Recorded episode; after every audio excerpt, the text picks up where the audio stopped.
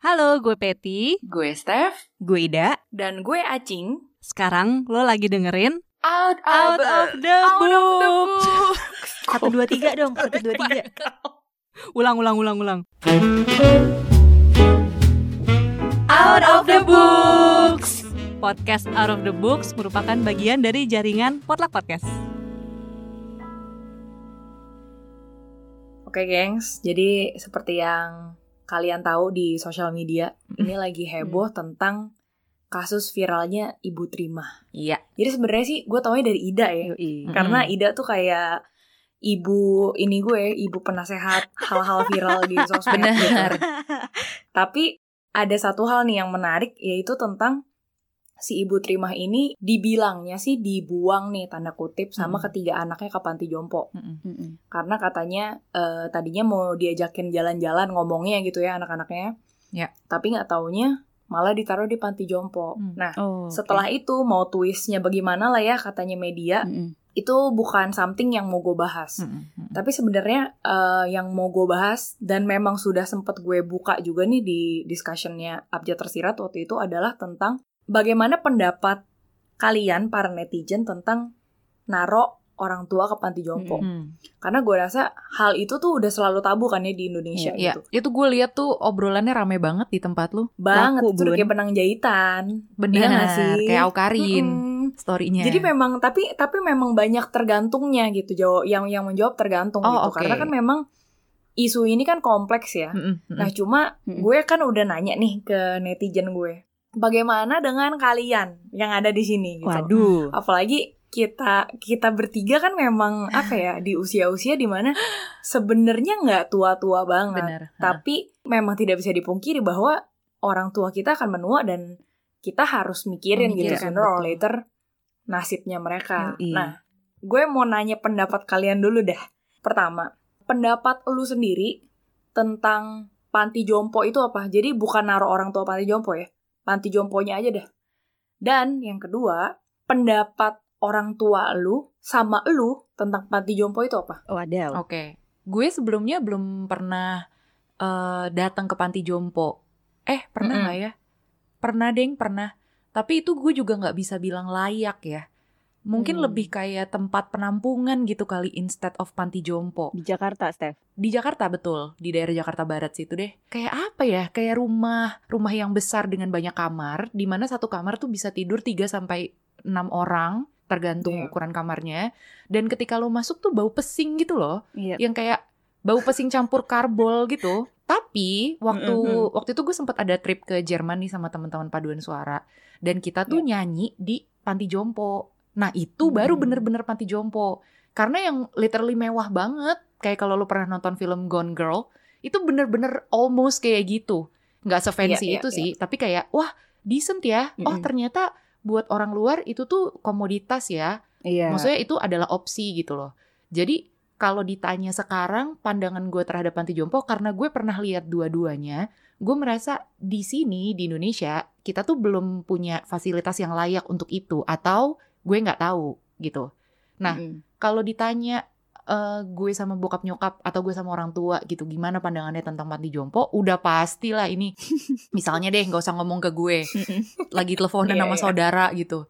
Tapi gue denger nih nyokap gue lah khususnya misalnya eh kesian ya dia masa dia di panti jompo tahu anaknya gini anaknya gitu gitu. Jadi gue memang merasa orang tua gue tuh masih punya pola pikir panti jompo itu bukan adalah tempat pembuangan instead of Iya. tempat perawatan Hmm. gitu Hmm. kalau lo gimana dak Aduh, gue pernah ke salah satu panti jompo di Jakarta juga, tapi memang nggak ada Mm-mm. perbandingan ya. Tapi itu gue tidak pernah berpikir untuk, oh ini kayaknya rumah masa depan gue dalam tanda kutip ya, atau orto gue gitu. yes tapi yes Hmm. sekarang-sekarang ini nih, belakangan ketika si keramaian di Twitter ini muncul, gue jadi ingat bahwa dulu itu gue sama teman-teman marching band gue itu galang dana Hmm. buat pengurus salah satu gimnasium di UI kan.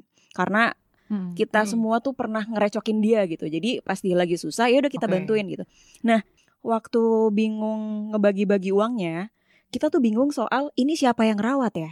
Kan dia sendirian gitu. Hmm. Terus mau Hmm. ngerawat di mana gitu. Akhirnya adalah temen gue yang eh gue ada nih rekomendasi panti jompo yang bagus tapi murah gitu. Wah anjir Iya. itu langsung jadi perbincangan kami semua kayak eh ayo kita nabung yuk nabung nabung ntar kita reunian di situ aja tuh anak-anak MB gitu kan ya udah kocak deh Boleh ya patungannya patungannya buat Iya. Patungannya buat hari tua. panti jompo cuy. makanya bener. terus Ha-ha. akhirnya dari situ oh iya ya orang yang sebatang kara itu pasti punya isu sendiri nanti masa tuanya mau dihabisin Hmm. sama siapa gitu dari situ gue langsung Hmm. cari-cari referensi panti jompo dan akhirnya eh, yang ada di benak gue sekarang ya panti jompo yang mahal-mahal ya yang 3 juta sampai 20 Hmm. juta ada sebulan gitu jadi Iya. kalau benar. misalnya kita hitung nih ya masa tua kita 20 tahun lah ya sembari nunggu mati gitu anjir. 7 juta dikali 20 tahun lumayan Itu, bun sampai 2 m kayaknya ada ya jual ginjal aja gimana itu nih mah mending lu Ada. beli rumah nggak sih bun? eh tapi kalau udah tua lo juga nggak berdaya ya. Iya, nah itu Kenyataan makanya tentang getting old-nya tuh ya iya sih bener sih Mm-mm. Nah, terus- ketidakberdayaan ya. kalau misalnya kayak panti jompo menurut gue mungkin gue bisa ngasih per- perspektif yang objektif gitu lah ya tapi kalau ngobrolin sama ortu ya udah pasti dong ya negatif gitu kan apalagi iya. framing di Mm-mm. media nih apalagi di sinetron gitu yang gue pernah bilang ke Acing kayak ya selama ini mana ada Iya. coba sinetron di SCTV atau di mana Indosiar Antv gitu ya nggak ada Mm. lu orang apa, pokoknya ada ada ada representasi anak durhaka yang lu nitipin Iya, orang iya, tuanya ke panti jompo karena orang tuanya punya warisan banyak jadi dia mau mengeruk warisan orang tuanya gitu loh Anjing. itu kan sampai sekarang masih ada ya iya. dan gue rasa Iya, iya, itu iya, iya, iya. nggak akan langsung jadi isu yang mudah dipahami oleh orang tua kita Terima. misalnya even Setuju. orang tua kita tuh urban banget gitu tapi kayak Mm-mm. Kalau nggak dari RT RW atau kelurahan yang sosialisasi nih nggak akan nyampe mm-mm. tuh wacana apa panti jompo bener, heeh. Eh gimana kalau abis episode ini ya? Ini kita tuh episodenya kita extend dong. Kenapa Jadi tuh? kita berempat nih jadi kayak penyuluhan gitu Oh, untuk iya, orang tua bisa. orang tua mandiri lo Bisa. ngerti nggak? Terus iya, sekalian iya. bikin jompo OOTB kan. Terus metode penyampaiannya kita pakai grup WhatsApp. Jadi Waduh. link yang itu tuh yang di share share. bangke lu dibumbuin hoax dikit gitu ya. Sekalian promo anjir. eh tapi maksudnya apa ya on a serious note gue udah ada beberapa list eh, senior living gitu sama panti reda yang Hmm. bagus lah ya suasananya Ini buat buat lo nih. buat gue maksudnya kalau misalnya nanti gue memutuskan untuk ke panti jompo gitu ya Iya. ya gue kayaknya udah punya pilihan dan ya udah udah siapin tabungan gitu di bibit reksadana aja Iya, iya, iya. bibit nggak Betul, mau sponsorin nih tetep ya Bit, boleh lah Bit. Ini kita kan lagi ngomongin jompo. Ini kita Bit. kurang invested apa lagi nih, dana. Bit. pensiun bun Udah ada Stephanie dari kata puan ini followernya bisa dijual lumayan. Iya gak sih, Bit? Kalau gue soal panti jompo itu sendiri ya pastinya kalau dari pengalaman gue persis kayak Steph ya. Jadi eh, gue nggak pernah yang di Jakarta, tapi gue denger temen gue yang datang ke Jakarta. Oke. Cuma temen gue waktu itu memang punya hubungan yang bitter sama orang tuanya. Jadi gue beda nih soal panti jompo. Gue bukan mikirin lebih ke fasilitasnya. Hmm. Karena temen gue yang pergi itu bitter sama orang tuanya. Pokoknya intinya bokapnya ninggalin dia gitu ya. Mm-mm. Terus pas dia ke panti Mm. jompo dia ngeliat kakek-kakek yang cerita nih sama dia. Kalau dia tuh nggak pernah dikunjungin anaknya. Terus kakeknya ngomong, Hmm, "Eh, iya iya ini sih. semua juga salah kakek sih. Kakek tuh nggak pernah ada di rumah untuk mereka gitu-gitu. Hmm. Nah jadi mentalitinya adalah kalau lu dibuang, then you might deserve it. Mm-mm. Ngerti nggak? Ngerti. Jadi Hmm. sudut pandang gue tuh saat ngeliat orang tua dijaga atau orang tua dibuang gitu ya, se- segampang itu kalau Mm. kita mau ngomong, itu sebenarnya lebih ke bukan anaknya jahat atau anak yang nggak jahat, Mm-mm. tapi lebih ke begitulah kompleksnya dinamika keluarga. Iya. Oh, iya, iya. So the issue of ngejagain orang tua dalam hal ini kita ngomongin spesifiknya mau mau taruh di mana gitu ya Mm. kasarnya, Mm-mm. itu sama sekali nggak bisa dipukul rata sih Hmm. kasarnya kayak si Ida ngomong deh eh, waktu di Instagram story gue gitu kadang-kadang isu yang kita ngomongin sekarang ini ini kita privilege enough loh masih bisa iya, ngomongin Iya, makanya. kita setuju punya pilihan cuy iya ada duit kan ibarat Iya. katanya ada tabungan dah gitu nggak usah ngomongin kaya Mm-mm. tapi ada dan tabungan bisa nabung gitu ya bisa diusahakan iya jadi tuh kalau gue ngelihat panti jompo lebih ke situnya ya bukan iba sama orang tua or whatever Hmm. nah tapi saat gue eh, waktu itu sekolah di Australia gue kan ikut paduan suara nih jadi persis nih kejadiannya masih Steph Wah gila Gue- ini kita kayaknya Iya. kayak kalau ada alternate universe kita ketemu tahu. asli sih ketemu kayaknya gue terus habis itu sama-sama alto lagi gitu iya, kan oh my eh god. gue juga alto nyet oh kita bertiga alto ya udah kita Aduh. bisnis paduan suara lah panti OTB. kita OTB Iya nyanyinya kita di cuanin nyanyinya di panti jompo. Sesuai dengan topik kita hari ini. Betul sekali. Ada panti jompo mungkin yang mau endorse kita. Aduh jahat banget gue. Nanti ya nanti. Tapi intinya sih eh, waktu gue ngeliat panti jompo di sana gitu kan untuk pertama kalinya gue ngeliat kayak gila ini wow banget cuy tempatnya gitu kan. uh-uh, uh. Saat itu sih kalau mau ngomongin situasi atau kondisi kakek-kakek neneknya ya udah tua-tua banget sih. Jadi gue nggak bisa bilang mereka mukanya cemberut karena dijahatin caregivernya. Gue juga kagak tahu ya gitu kan. Maksudnya gue nggak bisa sok-sok yang kayak langsung Indosiar gitu Iya, kayak iya, iya. tuh kan. Menerka pasti dia digebukin sama caregivernya. gue nggak bisa ngomong gitu. Heeh. Cuma memang kalau menaruh posisi orang tua itu memang sesusah itu untuk dirawat gitu ya secara kesehatan. Iya. Hmm. Kebayang nggak lu kalau misalnya orang rumahnya yang ngerawatin dengan peralatan yang eh, seadanya gitu. Mm-mm, Iya sih. mm-mm. Itu sih pikiran gue. Nah sekarang ngomongin orang tua kan Mm-mm. gitu. Hmm. Tentunya kalau dari bokap gue lebih jelas ya. Dia tuh yang kayak Cina Toto banget yang nganggep bahwa ya pokoknya gue mesti diurus banget deh sama Hmm. anak gue gitu. Hmm. Nah kalau nyokap gue tuh lebih ke ya gue sih berharapnya dirawat dengan baik. Tapi kalau misalnya ujung-ujungnya gue di rumah anak gue tapi gue malah bikin mereka jadi berantem mendingan gak usah. Tapi lo tuh berarti udah pernah kayak ada buka pembicaraan gitu ya sama orang tua lu tentang masa tua mereka mau kayak gimana gitu. Enggak. Karena itu lebih kayak Steph. Jadi ngelihat responnya dia Oh. saat dia ceritain soal nasib orang lain. Hmm. Nah, jadi soal ngomongin jagain orang tua dan uh, ngomongin perspektif orang tua kita gitu dan juga kitanya seperti apa.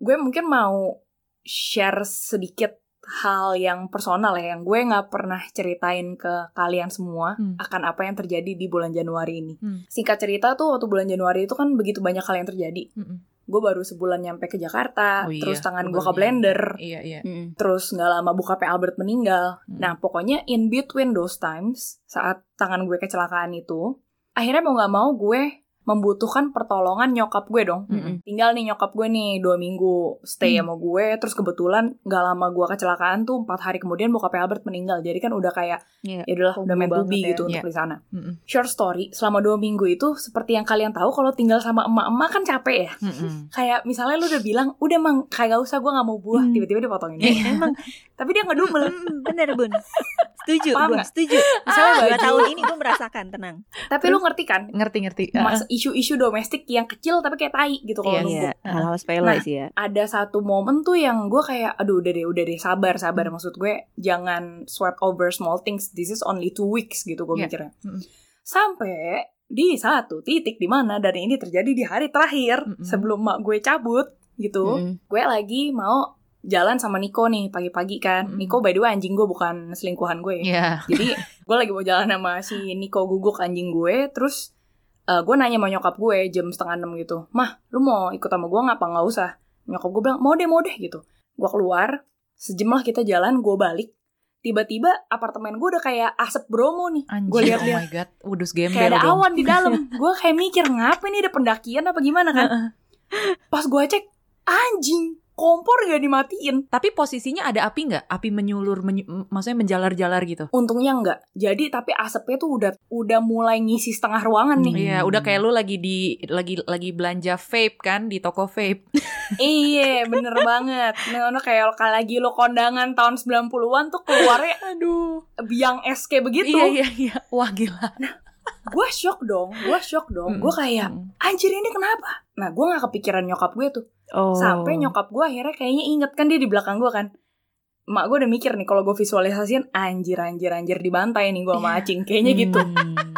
Nyokap gue langsung menuju kompor. Nah gue langsung ngeh, wah tai. Ini dia nggak tahu masak sesuatu atau apa lupa dimatiin. Hmm. bener aja. Nah, ini agak disturbing ya, Mm-mm. tapi gue mau bring this up karena gue mau kasih lihat Mm-mm. gitu. Mm-mm. Saat lu nanti tinggal sama orang tua lu, ini realitanya kemungkinan terjadi gitu ya. Iya iya. Jadi, gue kan sama nyokap gue kayak Mario Kart kan, Hmm. udah mulai ngebut-ngebutan ke dapur nih. Terus nyokap gue sono, gue ke sini, terus gue langsung ngomong, jangan pegang kompor lu, gue bilang, lu Hmm. minggir, lu minggir. Gue ngomong gitu, udah ngomongnya gue lu tuh gue.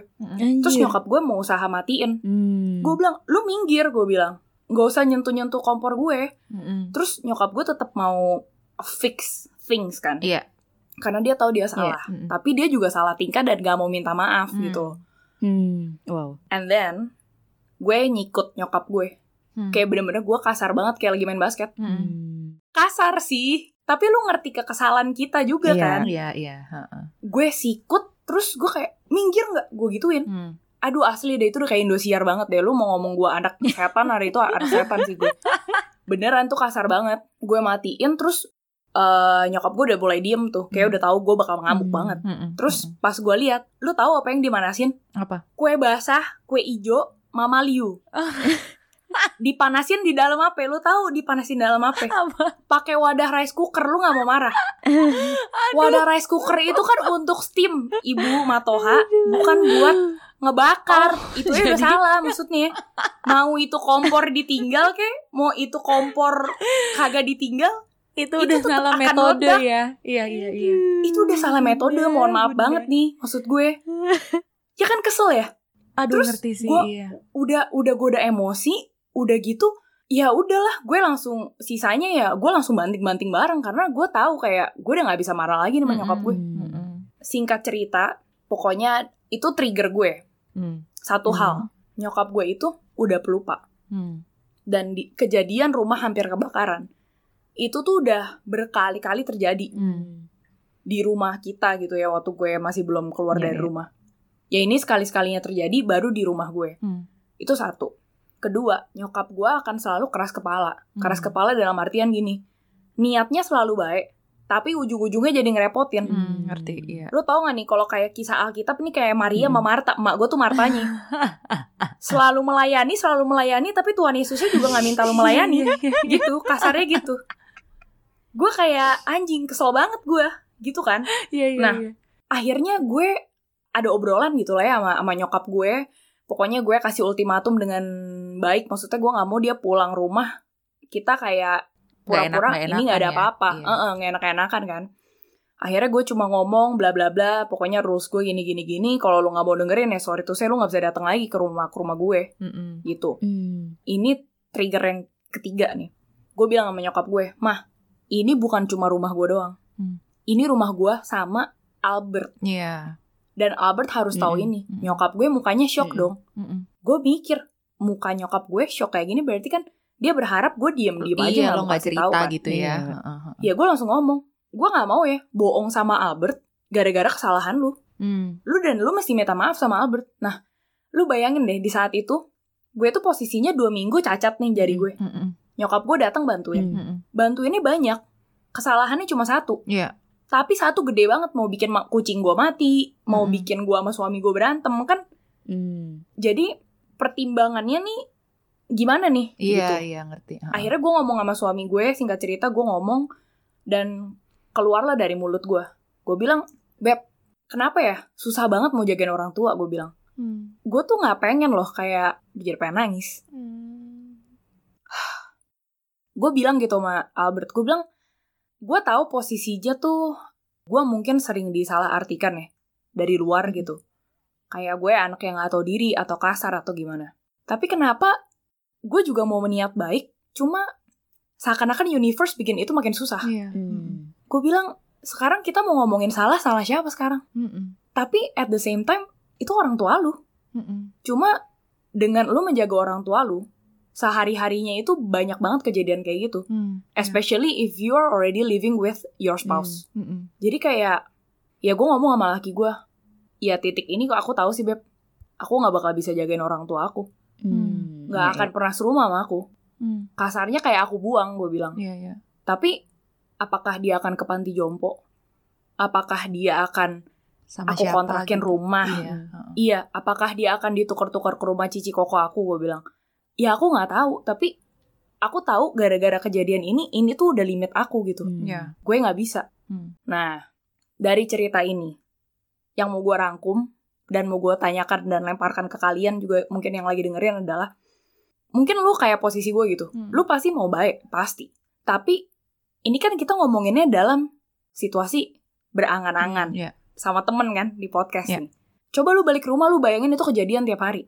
Iya. Nah, limit lu tuh sampai Hmm. mana? Mm-mm. Yang mau gue tanyakan, apakah mungkin ada beberapa momen atau satu momen yang bikin lu kayak, wah, ini bener-bener mem- membuat gue bertanya-tanya nih ini limit gue sampai mana ya sama orang tua gue Mm, mm, mm. dan apakah lo udah pernah punya obrolan sama orang tua tentang ngejagain orang tua atau kalau misalnya udah apakah lo udah pernah ngebahas soal capability kalian gitu dalam menjaga mereka Nah ini dia nih kayaknya ya yang menurut gue kalau buat gue pribadi topik ini tuh jauh dari gue. Hmm. Kayak gue tuh nggak mau look into it gitu loh. Iya, iya. Karena Hmm. karena lo kan punya studi kasus ibaratnya ya. Mm-mm.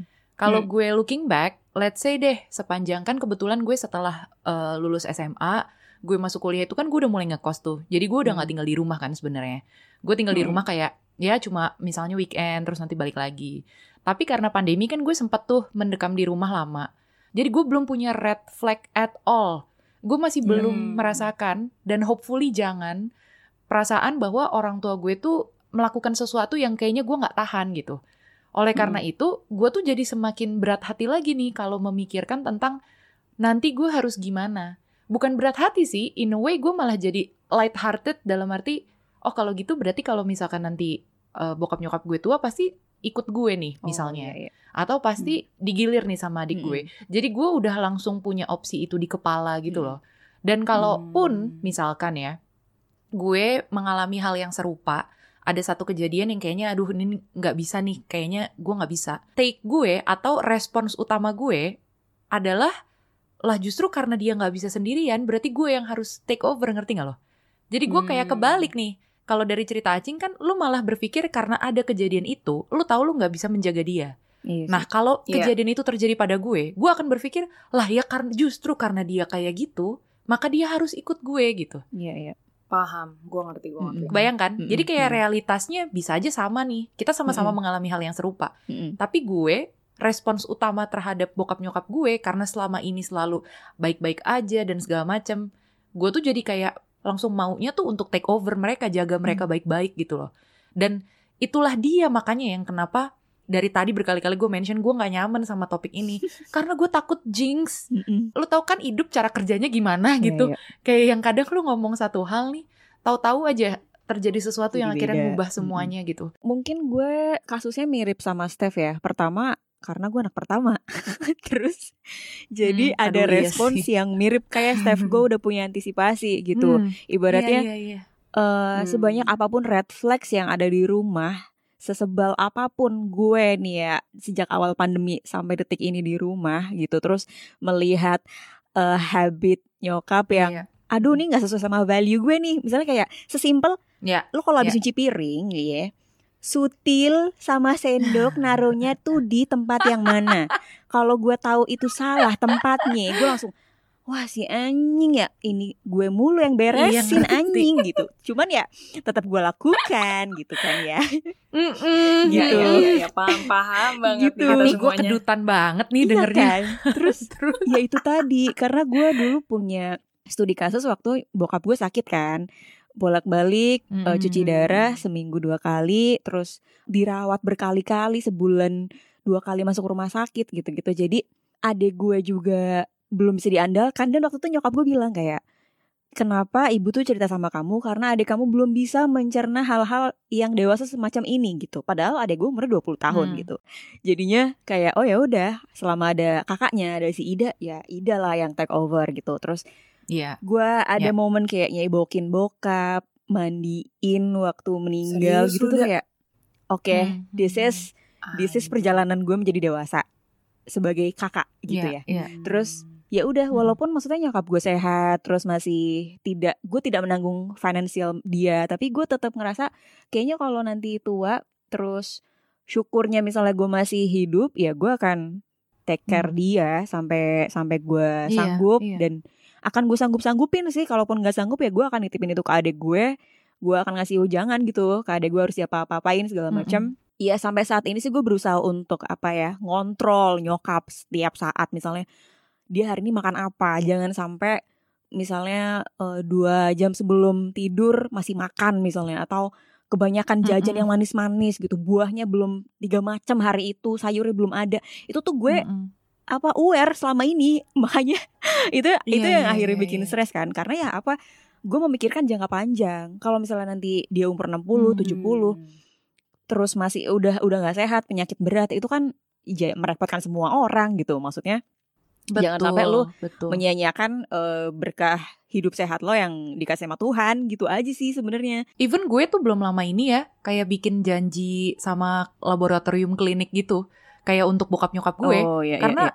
gue nggak tinggal bareng mereka kan. Sekarang udah balik normal Hmm. lagi jadi gue udah balik ngekos lagi.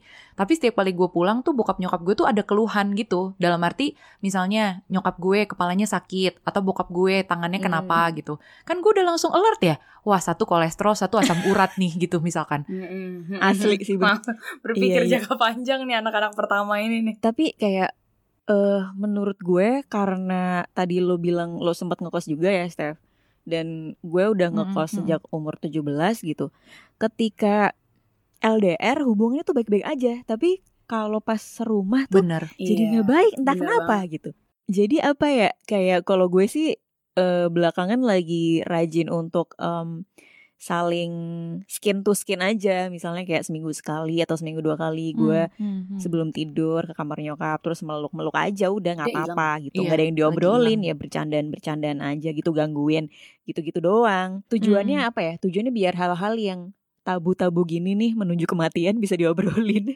Karena karena gue pernah bilang gini kayak "Eh, bu ayo kita di akhir minggu nyediain waktu buat kita mendata semua kekayaan keluarga ini gue bilang gitu jadi jadi jadi kalau misalnya nanti Orang salah satu gila. dari kita meninggal duluan, aku bisa tahu. Pokoknya gue sempat bilang kayak gitu. Terus eh, nyokap gue nggak mau. Ya udah nantilah masih lama gitu. Dia apanya yang kita nggak tahu mati kapan gue bilang gitu kan.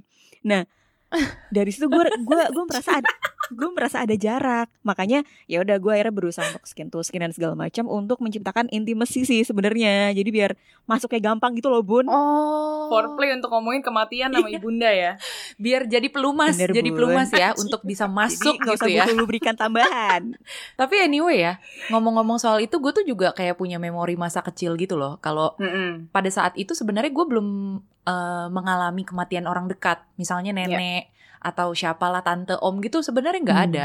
Tapi gue inget dan ini tuh membekas banget di kepala bahwa ketika gue kecil, gue tuh pernah nangis-nangis. Misalnya gue lagi tidur, terus entah gue nggak tahu gue mimpi apa gimana, gue bangun, gue nangis-nangis, gue peluk bokap nyokap gue, terus gue bilang nggak boleh tua, nggak boleh tua gitu. Padahal harusnya gue tuh belum ngerti konsep kematian loh Iyalah. back then.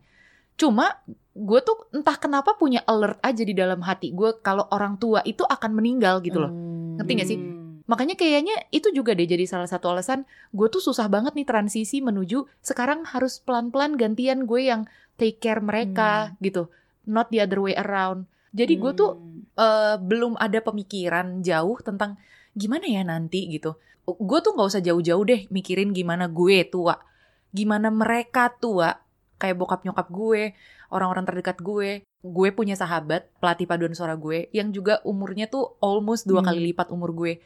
Jadi gue kayak merasa gue bisa nih kehilangan mereka-mereka ini dalam eh, in the near Iya. future gitu. Dan itu takut, gue takut. Stefani dan tema kematian sepertinya tidak boleh sering-sering dipertemukan ya. Kalau enggak gue bisa krisis eksistensi sih, beneran. Eh, ini habis ini suara puan satu bulan terakhir bicara kematian nih sebelum 2022. Suara puan satu bulan hilang nih nih mungkin ya. Ini kayak masing-masing kita punya triggernya masing-masing. Kalau gue kan Yunita dan tema dengan keluarga toksik tidak boleh digabungkan. Bener. Kalau nggak abjad tersirat vakumnya dua bulan.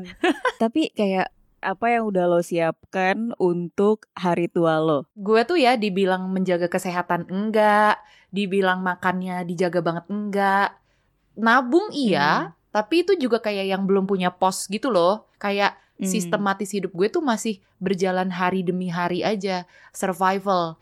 Tapi karena gue penulis dan karena gue masokis dan karena gue adalah gue dan karena gue adalah Capricorn dan karena gue adalah anak pertama, persiapannya adalah hati, hati dan mental. Makanya Iya kayak tulisan-tulisan gue lah, episode-episode gue tuh dark banget kan, banyak banget yang men- menyinggung tentang kehilangan, ketakutan dan itu adalah derita yang ya udah rela deh gue tanggung. Kalau gue sih ya, apa yang sudah gue persiapkan kan untuk masa tua gue adalah eh, sebenarnya tidak ada tabungan atau segala macem. Gue berharap aja kalau misalnya suami gue sampai kenapa-napa, amit-amit banget, gue dapat duitnya dia. Gitu. Amin. Amin ya Allah. Anjing, Entar lo amin. bagi-bagi ke gue ya. Amin, amin dulu, amin. Eh, gue jujur aja gue gak ada kerjaan tetap. Iya, iya, gitu iya, kan. iya. Tapi di mata gue yang bisa gue kontrol itu kan adalah badan gue ya. Karena gue sering lihat nih orang-orang di sekitar gue terutama di Indonesia sih kalau gue bisa ngomong itu kayaknya kalau udah hit eh, kepala 6 Uh-uh. tiba-tiba langsung kayak udah udah jangan angkat berat udah udah jangan ini Hmm. dan itu sebenarnya malah bumerang buat diri lu sendiri Hmm. niatnya memang baik sih gue ngerti biar nggak cedera atau apa segala macem. Tapi semakin lu membuat eh, orang itu tidak bergerak semakin lu bikin dia aging lebih parah lagi. Dan bukan cuma karena itu aja karena setiap kali lu selalu mengingatkan umurnya dia itu jadi kayak kena mental ya tau jadi kayak oh iya deh gue juga udah tua. Ya udahlah namanya juga gue tua Eh, ya udahlah kalau gue lupa nggak apa-apa jadi kayak nggak ada effort untuk memperjuangkan hidup. Mm-mm, seenggaknya berjuang Mm-mm. untuk mempertahankan kesehatan yang lu masih punya gitu loh. Iya. Mm-mm. Gue tuh nge-build ini, nge-build badan gue nanti buat nanti tua. Hmm. Karena lu tua tuh Hmm. kayak muscle lu akan akan memang akan berkurang. anjing kok gue nggak mikir Mm-mm. gitu ya? Ya beneran Steph, kayak maksudnya metabolisme lu akan kurang. Lu baru mau ngangkat berat umur 50 ya agak telat sih. Iya benar. Kalau itu iya gitu. sih. Kalau itu iya. Apa karena ya di usia tertentu lu tuh masih bisa punya pemikiran ah bentar lagi deh gitu. Jadi lu jor-jorin aja. Entar entar entar kepala empat. Entar entar entar tahu-tahu udah kepala lima. Mati. Kalau lu dah mungkin karena aktivitas fisik gue banyak, jadi udah sejak mungkin satu dekade lalu ya, kayak rajin olahraga dan segala macam. Cuman kadang yang bangsat ini adalah omongan orang-orang, misalnya kayak, ya elah dah lu jumping jack dong ke rumah gue dari Tegal ke Jakarta misalnya gitu ya biar lo kurus gitu atau ya ampun Ida lu tiap hari skipping 3000 kali kagak kurus-kurus lo anjing lihat aja lo ya kepala empat paling udah diabetes Iya bener-bener bener banget. pengen gue gituin tau Makanya- nggak? karena karena teman-teman yang kerja kalau weekday dia kan kerja nih tapi kalau weekend di kamar kegoleran istirahat gitu ya lah gue yang udah lebih tua gitu Pak, yang paling tua di kosan malah kayak ya udah lu tiga hari konser loncat-loncat udah kelar terus abis pulang kerja full time tetap olahraga gitu kayak Mm-mm. ini tuh yang tua siapa sih di sini Iya. Sampe kayak ya udah lu boleh paham. mengadu stamina gua gitu kalau itu dari segi fisik ya. Ya kalau dari finansial mah ya seberjalannya eh, aja ya. mah ada gitu ya. Iya kayak kalau ngitung uang pensiun kayak sampai 2 m ya pengennya mah jual ginjal mumpung ginjal gue masih sehat gitu kan. Makanya gue gue merasa kayak ya udah emang manusia tuh cuma bisa berharap eh, dengan ketidaktahuan bahwa nanti apakah lu tuanya sengsara nggak sih, lu tuanya sakit keras nggak sih, lu cuma bisa berharap aja itu jangan terjadi sama lu dan keluarga deket lu udah titik. Kayak masalah kematian Iya. buat gue tuh sedekat kayak masalah kanker gitu ibaratnya. Lu cuma bisa mengantisipasi aja jangan sampai itu tuh terjadi pada lu. Karena sebenarnya idea tentang getting old adalah Hmm. lu tuh nggak berdaya. Serem banget gak sih? Lu ngomong gitu jadi serem tai. lu jangan krisis eksistensi dong. Jangan ngomong kayak gitu, Steph. Gue jadi merinding. manusia berencana kemudian Tuhan yang menghancurkan rencana kita anjir itu Ah, udah kita udahin itu aja podcastnya di sini episodenya. Gak usah nambahin literasi Peti, nggak usah. Iya benar. Kan Peti internetnya juga mati. Bye Peti ya. Sorry nih guys, kita nggak bawa literasi kali ini selain topik hangat yang memang lagi hangat banget iya. dan juga cerita-cerita Yunita semoga tercover ya.